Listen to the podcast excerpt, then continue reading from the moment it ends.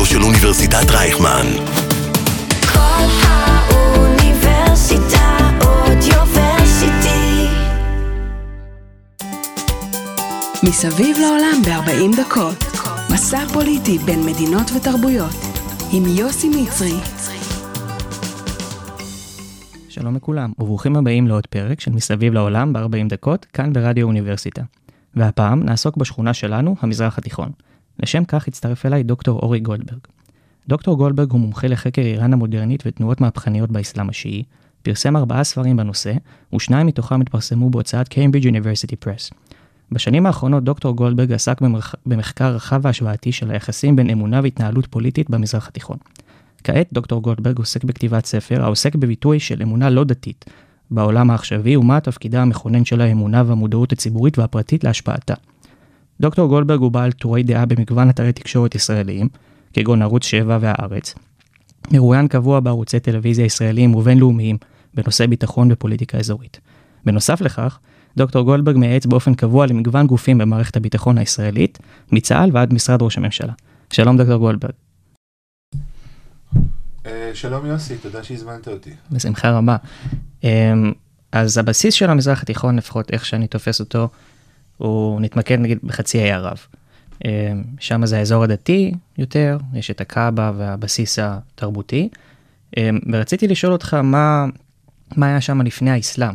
כאילו, איך החברה הזאת נראתה, אם זאת חברה, כמו שאנחנו מדמיינים, נווטים כאלה, בדואים, מה היו המנהגים שלהם, מה, על מה הם התבססו, מה הם עשו? אז קודם כל, אני לא בטוח שאני מסכים עם הקביעה הראשונית שלך, אני לא בטוח שזה הבסיס של המזרח התיכון. זאת אומרת, זה הבסיס, אם אתה בוחר להסתכל על המזרח התיכון כמקום שסימן ההיכר שלו זה שממנו נולד האסלאם, האסלאם יצא וזה, אז אתה יכול אולי להסתכל על חצי ערב, למרות שהאימפריה המוסלמית שנוסדה בחצי האי ערב פרצה את הגבולות שלו מאוד מאוד מהר. זאת אומרת, חצי האי ערב זה איזשהו... ערש מיתולוגי, זה כמו שהיית מוצא את גן עדן עכשיו, ואומר שממנו יצאה האנושות. אפשר גם להסתכל על המזרח התיכון כעל מקום שתמיד היה כור היתוך תרבותי מטורף. אומרת, ממצרים העתיקה ועד תרבויות הים והחוף של צפון אפריקה, והשיירות שהיו עוברות דרך המזרח התיכון וגם דרך חצי האי ערב, ומביאות איתם סחורות, אבל גם ניחוחות של, של, של תרבויות אחרות. זאת אומרת, בזה שבחרת להגיד חצי הערב זה הלב של המזרח התיכון, קבעת כבר עמדה שהיא לא בלתי לגיטימית, אבל היא ממש לא חייבת להיות העמדה היחידה. זה, זה מובן, ואני מתעכב על זה, אני כאילו חופר, כי... כי זה שעשית את זה באופן אינטואיטיבי מסביר הרבה על הדרך שבה חושבים על המזרח. נכון, בדיוק, זה הדרך המיינסטרימית לחשוב. כאילו, זה הרבה, הרבה אנשים חושבים על זה, כי המזרח התיכון שווה אסלאם, שווה גם, לא רק אסלאם, שווה גם פונדמנטליזם במובן הכי ראשוני של המילה, שיש fundament, שיש בסיס שהוא תמיד נכון ותמיד אפשר לגעת בו, וזה בניגוד למציאות של האזור הזה, שתמיד, תמיד, תמיד הייתה מאוד מאוד קוסמופוליטית, מאוד רוויה בכניסה של תרבויות זרות ושל אנשים אחרים. עכשיו, זה נכון שחצי האי ערב לעצמו, לפני עליית האסלאם, היה די חור מצד, זאת אומרת, הוא היה... אה, אה, תחנה בנתיב השיירות מסין, שהביאו גם סחורות לאירופה ולבירות הגדולות של העולם הערבי. הוא היה מין uh, מקום uh, קדוש כזה, uh, כבר אז מכה הייתה, האזור של הקאבה היה מקום קדוש, אבל התרבות שהייתה שם הייתה תרבות שבטית, חצי נוודית, היו שם גם יישובי קבע, בין השאר בגלל הצורך הכלכלי לייצר תחנות מסחר עבור הסוחרים. זאת הייתה תרבות מאוד שבטית, והשבטים היו בעיקר מאוד מאוד עסוקים בעצמם, לא היה להם שום רצון להוציא את האף ולראות מה קורה מבחוץ. הם היו עסוקים בפולחנים שלהם ובנקמות הדם שלהם ובתחרויות השירה שלהם. רוב, רוב האנשים שגרו באזור של מכה וגם של העיר שקראו לה יפריב, עד שהפכה להיות מדינה, מדינה זה עיר בערבית, והיא הפכה להיות מדינת אל-נבי, עירו של הנביא, ברגע שהנביא מוחמד עבר אליה. רוב האנשים שגרו בערים המועטות שהיו בחצי ערב, היו, זאת אומרת, היה להם בית בעיר שהם גרו בו חלק מהשנה, אבל עיקר קיומם היה באוהל אה, הנודד. אה, כאמור, תרבות שבטית, תרבות שלא היה לה כתב אה, כמעט בכלל, אה, אבל תרבות מאוד עשירה של אה, ספרות ושירה בעל פה, ו, ושל באמת אה, אה, הרבה אה, גנאולוגיה, הרבה אילנות יוחסין, מי שייך למי ואיך ולמה וכמה, חשבונות אינסופיים של שבט בשבט. אה, תרבות שהיה בה גם מידה, מידה מסוימת של פאר, זאת אומרת, הם לא היו קבצנים, אבל עדיין מאוד מדברי, מאוד אה, אה, גאה בקשיחות המדברית שלו. כשהם עלו למשל על האימפריה הססנית, הפרסית, וכבשו אותה, אה, בשם האסלאם, אה, התרבות המפוארת של החצר הפרסית, הם חטפו חום מזה שהפראים האלה כבשו אותה. וזה יש משהו עד היום באיראנים שהוא... אה, האיראנים והערבים צהובים זה לזה הרבה מאות שנים, וכן, האיראנים תופסים את עצמם כמתקדמים ומתוחכמים הרבה יותר מהפראים האלה מהמדבר. אני, יש לה הרבה כינויי גנאי בפרסית לערבים, אני מחבב במיוחד את זה שקורא להם אוכלי לטאות. אני קורא להם אוכלי לטאות, כי תכלס מה כבר יש לאכול במדבר. אוקיי? איראן היא מדינה ענקית עם מגוון אדיר של צורות נוף ומשאבים וגידולים ומה שאתה רוצה. במדבר אוכלים לטאות. ונחזור טיפה אחורה, מתוך כל התרבות הבאמת עשירה ומגוונת הזאת, אה, עולה האסלאם. עכשיו, אם תוכל להסביר לנו קצת איך הוא צמח, מאיפה הוא צמח, איך בכלל המצב באותה תקופה נתן לו ככה להתפרס ולפרוץ בצורה באמת חוצת גבולות. הוא פרץ בצורה חוצת גבולות בגלל שהתלכדו בתוכו שני, אה, שני כוחות, שני סיפורים. האסלאם, אה, אה, הנביא מוחמד, הוא עומד וקורא לתושבי מכה בעשור השני של המאה השביעית לספירה. זאת אומרת, האסלאם הוא הדת המונותאיסטית השלישית, והמוסלמים חושבים על עצמם גם כעל מונותאיזם 3.0.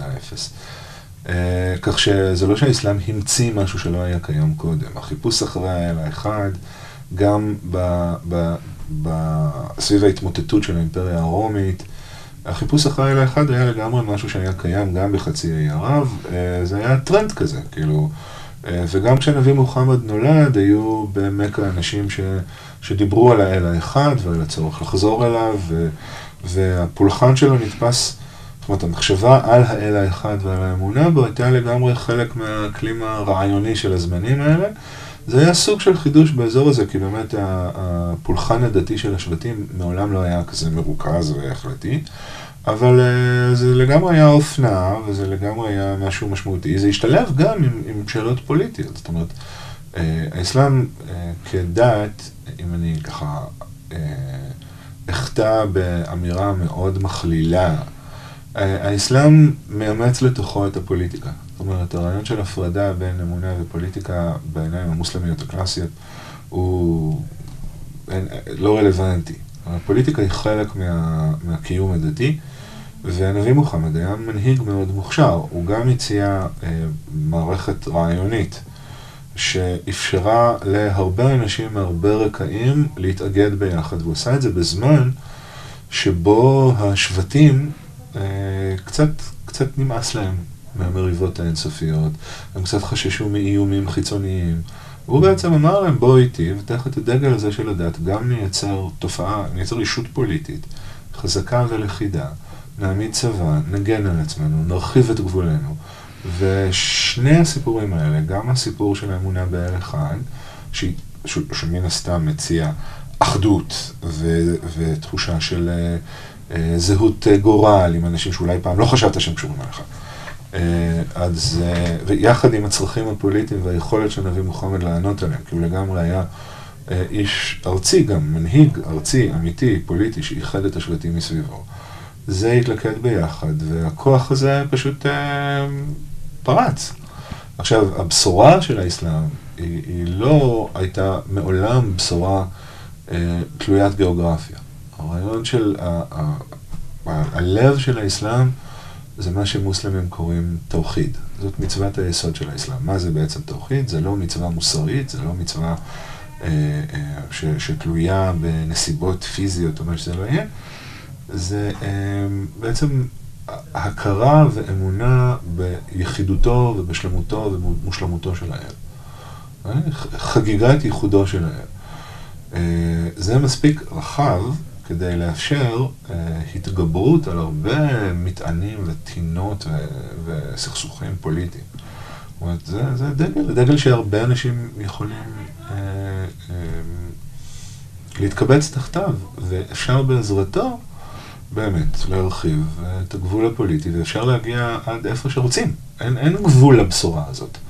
זה לא ש... כאילו הגבול היחיד, וזאת בעצם, כמו שמצוות היסוד של האסלאם זה ייחודו, ייחוד האל, הגבול היחיד זה בעצם מה שקוראים בערבית שירק, שיתוף. כלומר, ההנחה שיש יותר מאל אחד. מי שלא מאמין באל אחד, הוא לא יכול להיות בן ברית. מי שמסוגל לקבל על עצמו את האמונה באל אחד, וואלה, יש הרבה דרכים להאמין באל הזה. האסלאם לא כופה אה, יותר מדי, אין באסלאם יותר מדי מצוות פרקטיות וחוקים, יש פיתוחים של החוק, אבל מאלוהים לא באו יותר מדי חוקים. ובעצם איך האסלאם משנה את התרבות במזרח התיכון, אם בכלל הוא משנה? זאת אומרת, מעבר לכוח הפוליטי שהנביא מוחמד יצר ובעצם אה, חיזק אולי את המעמד של השבטים בחצי ערב ואפשר את ההתפשטות החוצה. אבל יש איזה משהו בתרבות או באמונה, אה, כי הקאבה הרי הייתה מרכז דתי גם, לפ... גם לפניו. אז איזה שינוי הוא בעצם יוצר, או שהוא פשוט רק מאגד תחתיו כמה שבטים, והשינוי הוא בעיקר פוליטי? אמ, תראה, הוא מציע, הוא מציב אלטרנטיבה אחרת, אבל אני לא, לא, לא הייתי מפריד בין השינוי הפוליטי לתרבותי לדתי. האסלאם מציע דרך אחרת לארגן את ההוויה החברתית והפוליטית במזרח התיכון. זאת אומרת, אתה עכשיו שייך לתנועה רעיונית שיש לה חוט שדרה, ויש לה היגיון, ויש לה אה, גם, גם סטרוקטורה, כאילו יש לה מבנה, יש מנהיג, ויש מדינה. אה, הרעיון הזה של, של כוח פוליטי, שמכיל בתוכו את כל החבילה, גם נותן שיוך רעיוני, גם מייצר איזושהי קהילה שחורגת מהאינטימיות של הקהילה הפיזית שבתוכה אתה חי. אה, זה שינוי מאוד מאוד גדול. אבל השינוי הזה באמת קרה, היציאה החוצה מהשבט? זאת אומרת, אנחנו אולי בעיניים של אה, יהודי נקרא לזה ככה, אה, אנחנו מסתכלים על הערבים כעדיין משויכים פחות או יותר שבטית, או שומעים הרבה פעמים את המילה חמולה, לדוגמה. אז האם באמת זה משהו שהוא פרץ את, ה, את הגבולות של השבט? זו שאלה מאוד טובה, כי גם היא נוגעת לא רק, זאת אומרת, התשובה שלי עליה היא לא רק על, על, על האם זה ככה, אלא מה שאמרת עכשיו, העניין של השבטיות הוא גם משהו נורא משמעותי באיך שתופסים גם את המזרח התיכון וגם את התרבות הערבית, אם יש כזה דבר. תראה, אי אפשר להתכחש לזה שיש אלמנט חזק, משפחתי, חמולתי, שבטי, תקרא לו איך שאתה רוצה, בתרבות של האנשים שגרים פה. בסדר? דרך אגב, יש כזה גם אצל יהודים. אוקיי? זה נכון שיש מסורות, ואי אפשר לקחת אותם חזרה לעבר הבדואי. כן? וממש לא בכל מקום השבטים הם משמעותיים, השיוך השבטי, אבל זה נכון שאדם בתרבות הערבית, שנהייתה גם תרבות מוסלמית, שייך כסוג של ברירת מחדל לכל מיני, מה שנקרא באקדמית, אה, מסגרות זיקה, אוקיי? שהן לא בהכרח קיימות במקומות אחרים.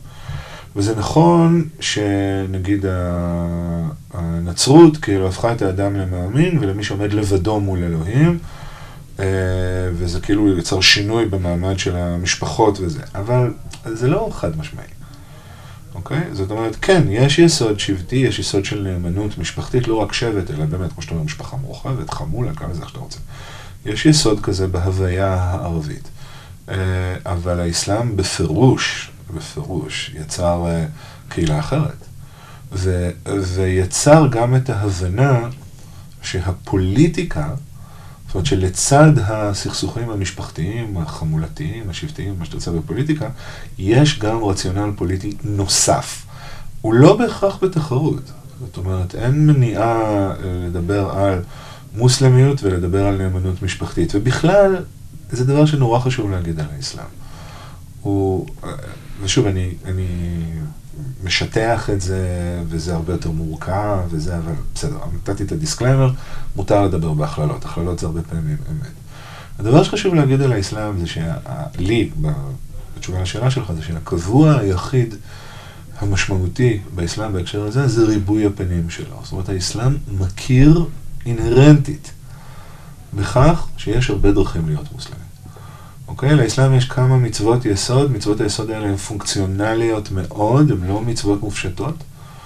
אין אה, ואהבת לרעך כמוך. אה, מצוות מאוד מאוד פונקציונליות. ואם אתה עושה אותן, אם אתה עושה אותן בצורה סבירה, אתה מוסלם. אוקיי? עכשיו, חוץ מזה, כמו שאומרים אה, במקורותינו, ואידך זיל גמור. זאת אומרת, כל השאר, לך- תברר בעצמך. כי יש המון דרכים לעשות את זה, וזה לגמרי בסדר. רגע, שנייה. עכשיו, זה לא אומר שלא רבים בתוך האסלאם על מה האסלאם הנכון, כן? רבים בהחלט, ותמיד יש מי שחושב שהאסלאם שלו הוא הנכון. הדוגמה הכי קיצונית אולי בהיסטוריה של, של האסלאם זה דאעש. אבל בעת ובעונה אחת, עובדה שתמיד מאפיינת קיום מוסלמי, פוליטי, חברתי, זה שיש המון דרכים להיות מוסלמי. וגם אם רבים, זה לא אומר שלא מכירים בריבוי הזה כדבר נורא נורא בסיסי. אז זה בסדר, בתשובה לשאלה שלך, שלא שכחתי אותה אפילו שאני כאילו חוזר לסביבה, אה, זה בסדר גמור שיש יסודות אחרים של נאמנות, זה בסדר להיות נאמן לשבט או למשפחה. זה לא סותר, האסלאם מייצר מערכת, רציונל נוסף, לפעמים אחר. במשך הרבה מאוד שנים הוא היה הרציונל הפוליטי הדומיננטי, זאת אומרת, היו יריבויות, יריבויות משפחתיות, אבל הסולטן העות'מאני שלט בשם האסלאם, לא בשם השתייכותו למשפחה כזאת או משפחה אחרת. זאת אומרת, כמובן שגם, אבל הדגל שהוא הרים היה דגל האסלאם, לא דגל המשפחה שלי הכי שווה. אז יש גם וגם וגם וגם. זה לא שה mindset הערבי המוסלמי הוא רק שבטי וחמולתי, ממש לא, דווקא במובן שאפילו חורג, אני חושב, יותר משמעותי מאשר אצל נוצרים ויהודים, התפיסה של האסלאם כאיזה רציונל פוליטי, תרבותי, גלובלי, קיימת תמיד גם במודעות של מוסלמי ימין, לא משנה איפה הוא חי. ונחזור רגע לשב, לעניין הזה של מוסלמי ומוסלמי, ואין באמת איזושהי שנאה בתוך האסלאם עצמו. לא, לא, לא אני לא, אין, אין שנאה במובן של משחק סכום אפס. זאת אומרת, זה נדיר מאוד באסלאם, אולי יש מין כזה, דבר כזה שאומרים, שבעולם המוסלמי לא היה ג'נוסייד אף פעם. עכשיו, למה הכוונה? הכוונה היא שבתוך האסלאם, למרות שהיו תמיד אין סוף ואין ספור חילוקי דעות וגם עימותים וגם מלחמות, זה מעולם לא היה משחק סכום אפס במובן שאם האופציה הנכונה קיימת, כל האופציות האחרות צריכות להיכחד. זה קשור למה שאני אומר, יש תמיד ריבוי. אז בקשר לריבוי הזה, אמ, ה- אולי השבר במרכאות הכי גדול בעולם האסלאם, הסונה מול השיעה. אז בעצם אמ, הוויכוח הזה, או ההפרדה הזאת, החלה באמת אחרי מותו של המנהיג, אחרי אה, אה, מותו של מוחמד. ומה בעצם קרה שם? בעצם זה ויכוח יותר שאפשר להגיד שהוא פוליטי, כי המנהיג של צד אחד לא נבחר לעומת המנהיג של צד שני, או שזה בעצם משהו קצת יותר דתי? אה, איך זה קרה? טוב, זו שאלה, שאלה מעולה. אה, זה נושא שאני מכיר אותו, כי אני באמת מתעסק בשיעה וב, ובזה. לי יש דרך משלי לספר את זה, ומכיוון שיש לך רק אותי פה, אז אני אספר את זה כמו שאני רוצה לספר את זה. אה, זה בעיקרון, אני, אני חושב שבעיקרון זה היה, זה בדיוק אה, אה, סכסוך שמדגים עד כמה הדתיות והפוליטיקה, עד כמה האמונה המופשטת והעולם המוחשי משתלבים אחד בשני. כי הנביא מוחמד, המוסלמים מאמינים שהאסלאם הוא ההתגלות, הקוראן הוא ההתגלות האחרונה של אלוהים. זאת אומרת, האסלאם הוא הגרסה האחרונה והדפיניטיבית, לא יהיו יותר שדרוגים. הנביא מוחמד הוא אחרון הנביאים, חותם הנביאים. היו לפניו המון. האסלאם מכיר במעמד הנביא אה, של ישוע מנצרת ושל הרבה דמויות. משה לדוגמה. משה, אברהם, דוד, שלמה, אלה כולם נביאים. זאת אומרת, האסלאם מכיר בתורה, זה כתוב בקוראן, שאלוהים אומר, הורדנו לכם את התורה, המילה הזאת, תורה, ואת האינג'יל, את האבנגליון, את סיפורי חייו של ישו. זה הכל מהשמיים, בסדר? ובכלל האסלאם לגמרי תופס את עצמו כאחרון בשלשלת, לא רק של יהדות ונצרות, אלא של אין סוף אנשים שאלוהים התגלה אליהם ונתן להם את הבשורה וניסה לגרום להם להיות, האסלאם הוא ההתפתחות המשוכללת ביותר. עכשיו, הם מאמינים שהנביא מוחמד היה אחרון הנביאים. אה, ואז בעצם, מה, מה קורה?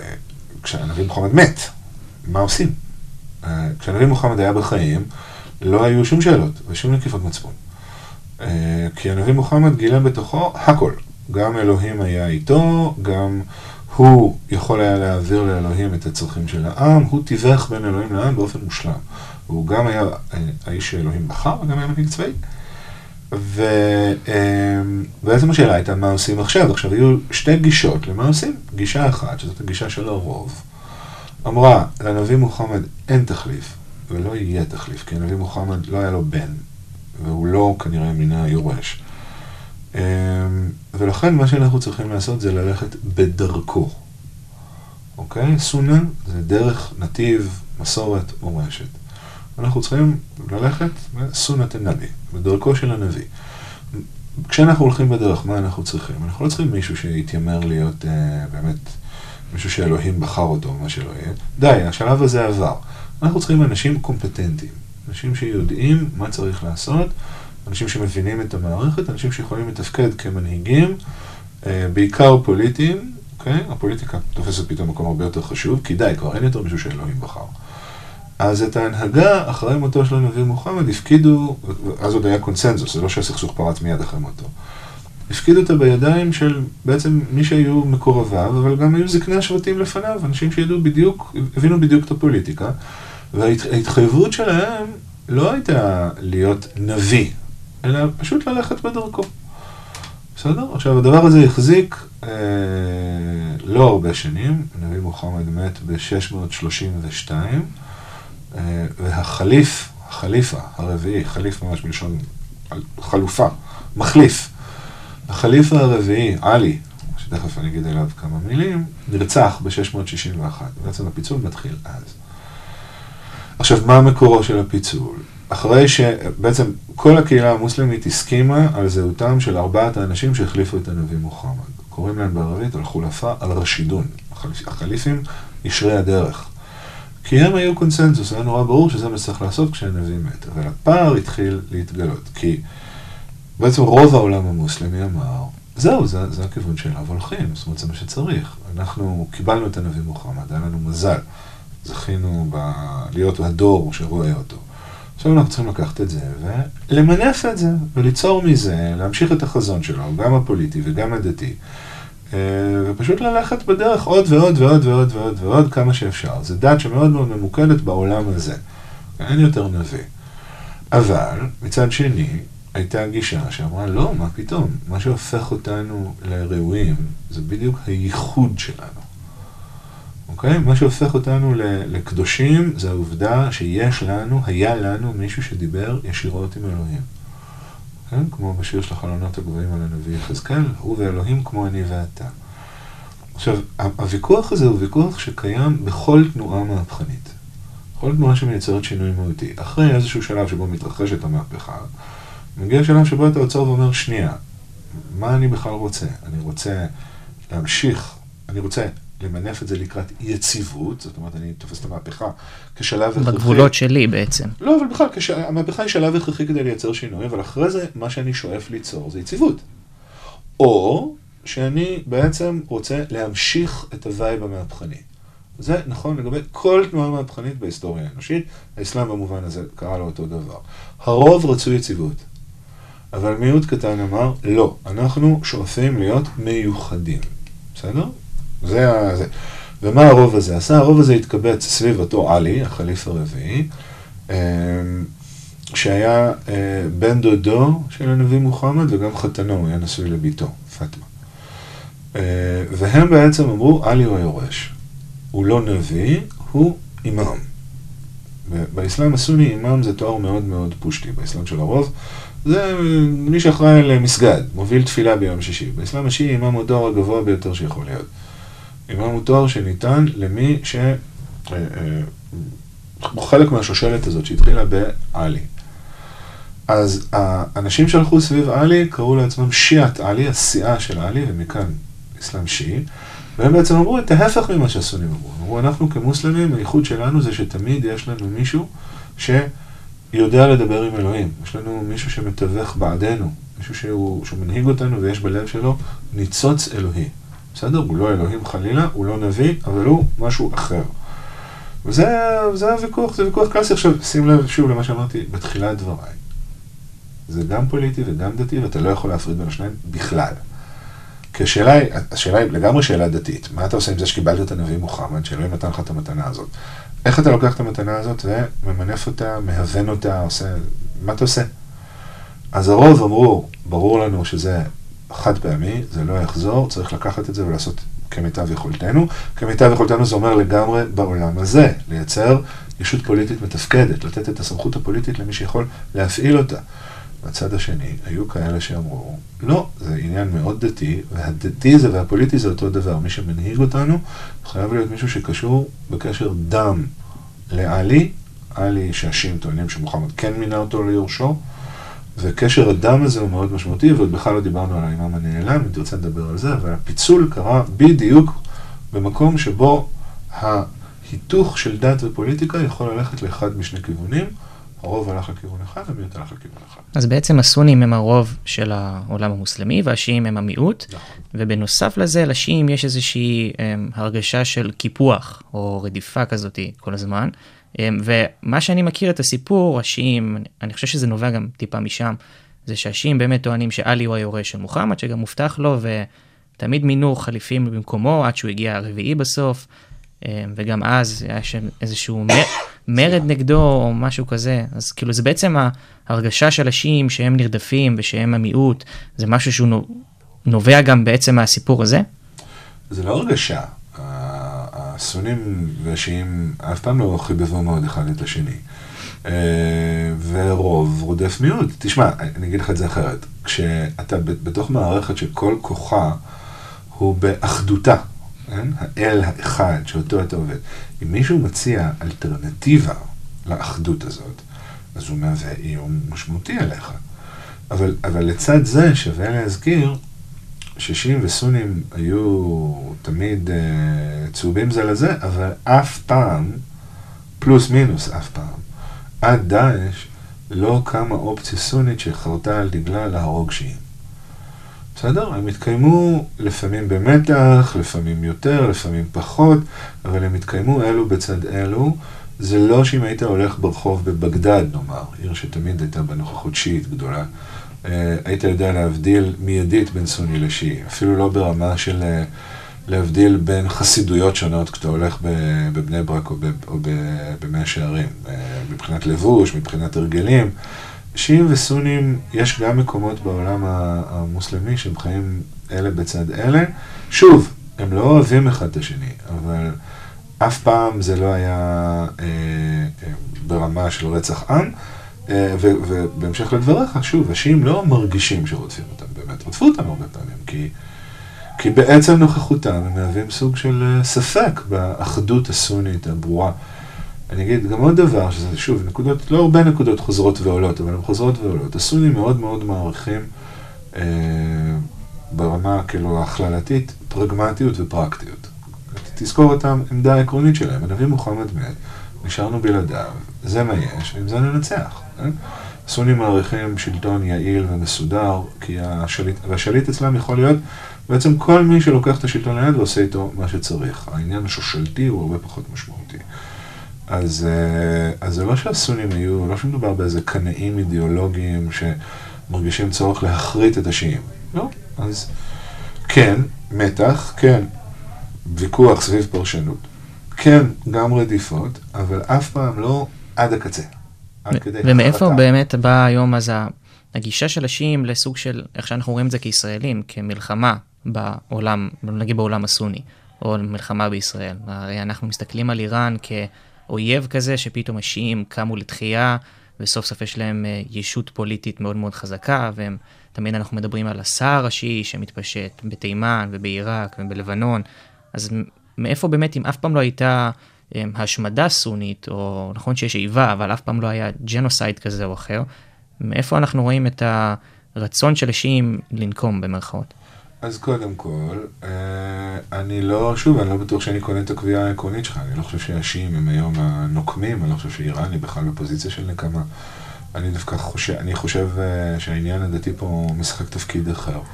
אה, תראה, זה, זה, זה נורא תלוי בהקשר. בלבנון, השיעים היו במשך הרבה שנים הכי עניים, הכי דפוקים. לא, לא בהכרח בגלל שהם שיעים, אה, כנראה גם, אבל הם, הם, הם, הם לא היו חלק מההתארגנות הפוליטית של המדינה הלבנונית בתחילת המאה ה-20. זאת אומרת, מי שתפס את השליטה במדינה הלבנונית היו סונים ונוצרים, והם המשיכו לדפוק את השיעים. אה, והשיעים היו חוטבי העצים ושואבי המים. והרבה מאוד מההתמרמרות השיעית בלבנון אה, קשורה לזה, ולא לאיזה סכסוך דתי. אה, ושוב, הנה עוד נקודה שכנראה תעלה עוד איקס פעמים במהלך הדברים שלי. אין להפריד את זה, וגם אין דרך לחשוב שהדת או הדתיות היא איזה אה, אוסף של ערכים או תובנות שנשאר מקובע בזמן במאה השביעית או במאה התשיעית או מתי שלא, והפוליטיקה היא זו שחיה. הדת חיה לגמרי, והיא חיה בתוך הפוליטיקה ועם הפוליטיקה, היא צריכה לתת מענה. השים, הפונדמנטליזם, או את הרעיון הזה שיש איזו ליבה דתית שלא משתנה אף פעם, הוא בכלל המצאה נוצרית, אוקיי? הוא, הנוצרים המציאו אותו, הפרוטסטנטים האמריקאים המציאו אותו בתחילת המאה ה-10, סוף המאה ה-19, תחילת המאה ה-20. הרעיון המוסלם, כאילו הפונדמנטליזם מוסלמי הוא התפתחות היסטורית חדשה מאוד, והוא גם מאוד מאוד לא שיעי. מאוד לא שיעי. השיעים אין להם את הפריבילגיה הזאת, כמו שפונדמנטליזם יהודי הוא התפתחות חדשה מאוד. למה אין, אין להם את הפריבילגיה הזאת? כי המנטליות של השיעים היא מנטליות של מיעוט. ומיעוט, ושוב, הדמיון בין שיעים ויהודים הוא מאוד משמעותי. מיעוט צריך תמיד להיות מוכן לרגע שבו הרוב יתהפך עליו. ולשיעים, אומנם הייתה מדינה איראנית, אבל המסורת השיעית הערבית לא היה לה הרבה כוח פוליטי ב-500-600 שנה האחרונות. ואת רוב האנרגיות שלהם הם השקיעו בלימוד ובטקסטים, והתפיסה הכללית שלהם הייתה תפיסה של הכל יכול לקרות תמיד. ובתפיסה כזאת אתה אף פעם לא יכול להיות קיצוני, אתה צריך להיות מאוד מאוד רגיש למה שקורה. האם השיעים נוקמים היום? תשמע, אה, איראן, כמו שאני מבין אותה, התפיסה האישית שלה היא לא תפיסה של נקמה, כמו שהיא תפיסה, אה, אני חושב עליה בתור הגנה אקטיבית. אה, איראן משוכנעת שהעולם נגדה, יש לה כנראה סיבות טובות לחשוב ככה. והיא רוצה לייצר עבור עצמה מספיק השפעה ומספיק כוח כדי לוודא שהעולם לא יוכל להגשים את המחשבות השליליות שלו. שוב תחשוב על ישראל, שגם היא משוכנעת שבכל דור ודור עומדים עלינו לכלותנו, כן? הדמיון, לא סתם ישראל ואיראן היו כאלה חברות טובות. Uh, המהפכה האסלאמית, המהפכה של 1979, היא מהפכה שהתרחשה בגלל עניינים פנים איראנים, לא בגלל עלייה של אסלאם רדיקלי שרצה להשתלט על העולם. ככלל, האיראנים, ואני יודע שמה שאני אומר עכשיו הוא נוגד את ה... מיינסטרים הישראלי. את ה-conventional wisdom, ככלל האיראנים לא נוטים להשתלט. וגם לא רוצים להשתלט. יש להם מאות שנים של קיום לצד ערבים ששונאים אותם בדם, והם שונאים אותם בדם. אין לאיראנים יומרות לחשוב שיכולה להיות פה אימפריה פרסית. הם יודעים בדיוק עד כמה, עד איזה מרחק ערבים סונים הסכימו ללכת איתם. לאיראנים יש עניין בשיעים, ויש להם גם עניין בהשפעה. ושוב, למה השפעה? לא כדי לייצר הגמוניה שמאוד מודעת להגמוניותה, אלא כדי לוודא שהעולם לא יתהפך עליהם. במובן הזאת זאת מנטליות של מיעוט, שדווקא אנחנו בישראל יכולים ממש להבין. האיראנים רוצים לשדר הרתעה, הם רוצים להבהיר לכל חורשי רעתם, והם ממש משוכנעים עמוקות שכולם הם חורשי רעתם, שלא יתעסקו איתם. דרך אגב, אני פה נכנס ברגל גסה לתוך הסיפור של איראן וישראל. אה, נהוג לדבר בישראל על ההצהרות האיראניות לגבי השמדת ישראל. אה, מחקר קטן שאני עשיתי, אבל גם עוד הרבה אחרים, יראה מאוד בקלות, שמה שאיראנים אומרים תמיד זה, אם ישראל תתקוף אותנו, אנחנו נשמיד אותה. בסדר? האיראנים שומרים לעצמם את מרחב התגובה. הם יוזמים כל מיני דברים, אבל בעיניי, האיראנים רחוקים מאוד מלהתחייב על השמדת ישראל. אותו דבר נכון לגבי חיזבאללה. זאת אומרת, אני מבין שיש הרבה מאוד אנשים, גם בעמדות מפתח, שחושבים שחיזבאללה, מטרתו בחיים היא להשמיד את ישראל. וואלה, לא נראה לי. חיזבאללה הוא ארגון לבנוני, וחיזבאללה, ושווה להזכיר עד כמה ישראל מתערבת באופן הכי בוטה במה שקורה בלבנון. מטיסות בשמי לבנון ועד מבצעים בשטחה של לבנון, והפרת ריבונותה של לבנון על בסיס יומי. זה אולי מוצדק בעיניים ישראליות, אבל חיזבאללה מגיב על הדבר הזה. חיזבאללה רוצה לסלק את ישראל מלבנון, הוא לא מעוניין בהשמדת ישראל, זה לא האג'נדה שלו, הוא גם לא יכול להשמיד את ישראל. אמ, ולכן כשתמצאו את התרבות השיעית כתרבות נוקמת, השיעים תופסים את עצמם לא כנוקמים, אלא כמתנגדים. זה מושג הזה מוקאוומה, התנגדות. מתנגדים למה? מתנגדים לעריצות, מתנגדים לקיפוח, כי הם, יש להם היסטוריה של קיפוח. מתנגדים לדיכוי, רוצים את העצמאות שלהם. אני עכשיו מדבר כמו נסראללה, אבל זה חשוב לצורך הדיון, כי בישראל אף אחד לא מדבר כמו נסראללה. אמ, ולכן הגישה הישראלית שתופסת את השיעים כאיזה אלמנט מסוכן, אתה יודע, רק בישראל אומרים על מישהו נורא נורא קיצוני שהוא מתנהל כמו מתאבד שיעי. כי זה נכון שחיזבאללה ביצע את אחד מפיגועי ההתאבדות הגדולים ביותר בהיסטוריה נגד השגרירות האמריקאית בביירות ב-83 נדמה לי, הרג 200, יותר מ-250 איש. אבל הרוב המוחלט של המתאבדים המוסלמים בעולם הוא ממש לא שיעי. Okay? אוקיי? הוא סוני. הג'יהאד הרדיקלי הוא סוני לגמרי, זאת אומרת, אנשים כמעט ולא מתאבדים בכלל. אז אנחנו בישראל לקחנו את הסיפור הזה של איראן, את הסיפור הזה של חיזבאללה, ויצרנו מזה איזה, איזו תנועה אידיאולוגית שמטרתה היא השמדת ישראל. יש הרבה אנשים, גם פה ב, ב, באוניברסיטת רייכמן, אה, אני בעצמי התפלמסתי על זה עם, אה, עם אודי אבנטל, שחוקר במרכז למדיניות ואסטרטגיה. יש הרבה אנשים שמשוכנעים שהשמדת ישראל זה רציונל איראני בסיסי. אני ממש חושב שזה לא נכון. ועוד שאלה שרציתי, יצאנו קצת החוצה מדי אנשים, אבל אה, לא, זה מעולה. אבל אה, השאלה שלי, דוגמה במאה ה-20, שראינו את הפן ערביות עולה, אה, וגם באיראן אפילו, שהיא לא ערבית, נגיד שאלת שמשה, בטורקיה לדוגמה, שממש הלכו לכיוון מערבי חילוני ונאצר, ואולי אפשר להגיד אפילו על חאפס אל-אסד. אוקיי. אז איך קרה פתאום שבמאה ה-20 היה כל כך מאבק להפוך את ה... מדינות למדינות לאום, ובסופו של דבר קיבלנו את האסלאם בחזרה, ואפשר אפילו להגיד, בתקווה של כל העולם המערבי, באביב הערבי, שהאסלאם חזר עוד יותר אה, פנימה לתוך האנשים, תרבות וכולי. לא חושב שהאסלאם, אתה יודע מה, שנייה, לפני שאני אומר פה משפטים נחרצים, שאלה מצוינת, התשובה עליה חייבת להיות מאוד מורכבת. כמעט כל תשובה על כל שאלה שנוגעת ליחסים בין דת ופוליטיקה בעולם המוסלמי, התשובה עליה היא מורכבת. והיא מורכבת לא כי אני אקדמאי מעצבן שמשתמש במורכב כדי לא להגיד דברים uh, ברורים. היא מורכבת כי זה חלק מהקטע של האסלאם. האסלאם מתיך את הדברים האלה אחד בשני. הוא לא, הוא לא מאפשר חריגה, כאילו, זה. עכשיו, אתה שואל למה היו פה מדינות לאום אחרי מלחמת העולם השנייה. היו פה מדינות לאום כי האימפריות התפרקו וכי הערבים הסתכלו מסביבם וראו שמדינת לאום היא הדבר שקורה, היא הטרנד החם. בעולם של 1947, לצורך העניין, גם קודם, כן? אה, הלאומיות הייתה ההיגיון הפוליטי המארגן. גם בזה, מה שהגדרת, הפן ערביות שהגדרת. אה, הרעיון של לאומיות ערבית הוא כוללת, אה, שהוא, מזה זה התחיל, הוא דווקא דוגמה לעד כמה ההגיונות הפוליטיים של האזור הזה לא דומים להגיונות של המערב. מה זה לאומיות ערבית? לאומיות ערבית מבוססת על מה? ערביות בעצם אומרת דבר אחד. כשאתה אומר למישהו שהוא ערבי, אמרת עליו בוודאות רק דבר אחד, לא שהוא מוסלמי, לא שהוא ממקום מסוים, אמרת עליו ששפת אמו היא ערבית. זהו. אוקיי? יש ערבים נוצרים, יש ערבים יהודים, כמו שיגידו לך, הרבה אנשים כאילו שהגיעו לישראל ממדינות דוברות ערבית, ויש ערבים מוסלמים. אז מה זו לאומיות ערבית? הרעיון שכל הערבים הם זה, וואלה, זה רעיון מאוד בעייתי, העולם המוסלמי תמיד היה... תמיד סוג היו... של מקשה אחת כזאת. נגיד אימפריה, נגיד עד, עד לא, מלחמת העולם הראשונה, יש איתך את האימפריה העות'מאנית. לא, יש לך את האימפריה העות'מאנית, אבל כל כוחה של האימפריה העות'מאנית זה במתח בין השלטון הריכוזי באיסטנבול לבין הריבוי האתני והדתי העצום, שזכה ללגיטימיות מלאה מהשלטונות. אל תשכח את זה. בזמן שבאירופה אה, היו, היו מלחמות של עשרות שנים על רקע דתי בין קתולים לפרוטסטנטים, באימפריה העות'מאנית השלטון באיסטנבול נתן אוטונומיה כמעט מלאה לקהילות דתיות שונות בתוך האימפריה. Okay?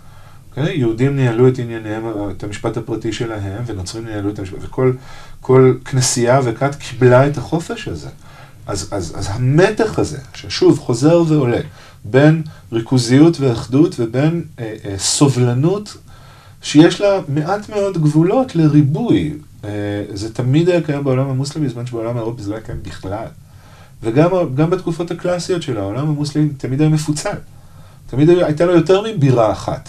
או אם הייתה לו בירה אחת, מיד קמה בירה אחרת. ההנהגה בעולם המוסלמי התחלקה תמיד בין אה, דמשק, בגדד וקהיר. דמשק הייתה הבירה העתיקה ביותר, בגדד הייתה המעוז האינטלקטואלי, וקהיר הייתה המעוז הפוליטי והכלכלי, וכל פעם עלה באחת מהערים האלה שליט שהתיימר לשלוט בכל העולם המוסלמי, וכל פעם בסוף הוא נפל. אוקיי? והאימפריה העות'מאנית, אני אומר, אגיד את זה שוב, כי זה נורא חשוב, הצליחה להחזיק מעמד, בגלל שהיא השקיעה את כל המרץ שלה ביצירת איזון כזה בין ריבוי פנימי לבין אחדות ריכוזית מאוד בשלטון באיסטנבול. אז הדבר הזה של ה...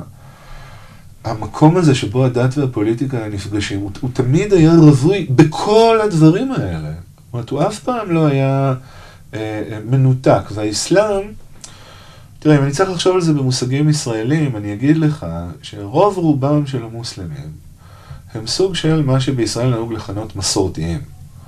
אוקיי? זה לא בהכרח אומר שהם מאמינים, זה לא בהכרח אומר שהם מקיימים איזשהו פולחן מאורגן, אבל הם התפללו פעם בחיים שלהם, הם יודעים קצת פסוקים מהקוראן, המסגרת המוסלמית לא זרה להם, הם חוגגים חגים, אין הרבה חגים באסלאם, הם חוגגים את החגים המוסלמים כחגים משפחתיים, מאוד דומה למסורתיות בישראל. אז זה לא שהאסלאם יצא אי פעם, אבל במשך, במאה ה-20, ההנהגות הפוליטיות ניסו, ניסו להפוך את העולם הערבי לרלוונטי, וגם אה, ניסו לקחת בחזרה אחריות על מה שבמשך הרבה שנים היה נתון בידיים של אחרים. האחרים האלה היו יכולים להיות העות'מאנים, אבל הם גם במצרים למשל, היו הבריטים והצרפתים. אה, ו- ו- והדבר הזה הוא לא, ממש לא ייחודי לעולם הערבי, זאת אומרת, זה גם קרה באפריקה, זה גם קרה באסיה, האימפריות התפרקו. גם האימפריה העות'מאנית התפרקה, וגם האימפריה הבריטית והצרפתית התפרקו. אז היה צריך להמציא את העולם מחדש. עכשיו, שוב, אין שום דבר מפתיע בזה שהלכו לכיוון של מדינת לאום. Because that was the thing, כאילו לכולם הייתה מדינת לאום, גם ליהודים למשל, אחרי מלחמת העולם השנייה. אמ, זה נכון, ומדינת לאום היא באמת יצור מערבי באופי שלו, מודרניסטי, תכליתי. אה, ומי שתפס את ההנהגות במדינות ערב, היו אלו שהייתה להם את הזיקה הגדולה ביותר למערב. הזיקה הגדולה, מי שהיה להם את הזיקה הגדולה ביותר למערב היו קציני צבא. למה? כי קציני צבא למדו למדו טכנולוגיה, למדו שפות זרות, הוכשרו על ידי זרים, הסתכלו למערב. הם ניסו לייצר איזה איזון. אה, ואז הם גילו שבתנאים החדשים שהם עובדים בהם, יש מתח בין האסלאם הפוליטי המקובל לבין השאיפות שלהם. כשנאסר הקים את מצרים, הוא חיבב מאוד את האחים המוסלמים. הוא רצה לדבר איתם, הוא תפס אותם ככוח לגיטימי.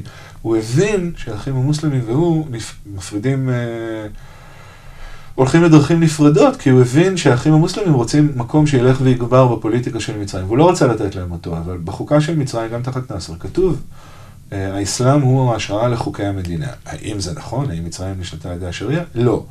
אבל זה היה חשוב להגיד את זה. ושוב, אני אומר מורכבות, וזה יכול להסתבך ולהתערבל, אבל הפואנטה היא אותה פואנטה. קשה מאוד להפריד. האסלאם קיים בתודעה. הוא לא קיים כמערכת אמונות מחייבת, או כחוק שיש בו הוראות ברורות שאתה חייב לעשות אותן, ואם לא אתה... אבל הוא קיים כרציונל פוליטי, הוא קיים כקהילה, המסגדים קיימים כמקומות שאליהם אתה יכול ללכת אם אתה במצוקה. המערכת היחסים הזאת עם הדתיות היא מערכת יחסים שקיימת כל הזמן. במובן הזה לנו כישראלים קצת קשה עם זה, כי אנחנו, הרוב החילוני פה, אמ, הדחיק את הדתיות, הוא לא רוצה לחשוב עליה. אנחנו מקיימים אורח חיים שכשבא לפה תייר ממדינה מערבית, הוא מיד חושב שמדובר בתיאוקרטיה, כן? מה זה חופשות על פי חגים דתיים? כן? מה זה כשרות במרחב הציבורי? אבל בעינינו זה מין כזה דבר, אתה יודע, אנחנו לא חושבים על זה הרבה. בעולם המוסלמי, כל הזמן משחקים עם זה, כל הזמן בודקים את הגבולות של זה. האסלאם לא הלך אף פעם לשום מקום. האחים המוסלמים הם תנועה עממית חזקה שיש לה נוכחות פוליטית משמעותית, ויש לה אג'נדות שונות בכל מדינה. האסלאם אין לו אה, אה חוט שדרה אחד, אין לו מהות אחת. אבל כרציונל פוליטי שאומר, אנשים שייכים גם לקהילה הזאת, יש להם גם מחויבות לזיקה הזאת, האסלאם היה קיים תמיד. תמיד. אז אה, באמת, אה, שיחה באמת מרתקת. לצערי אנחנו הגענו אה, לסוף זמננו, אז אני רוצה להודות לך, אורי, שהסכמת להגיע. ותודה רבה לכל המאזינים, ונתראה בפרק הבא.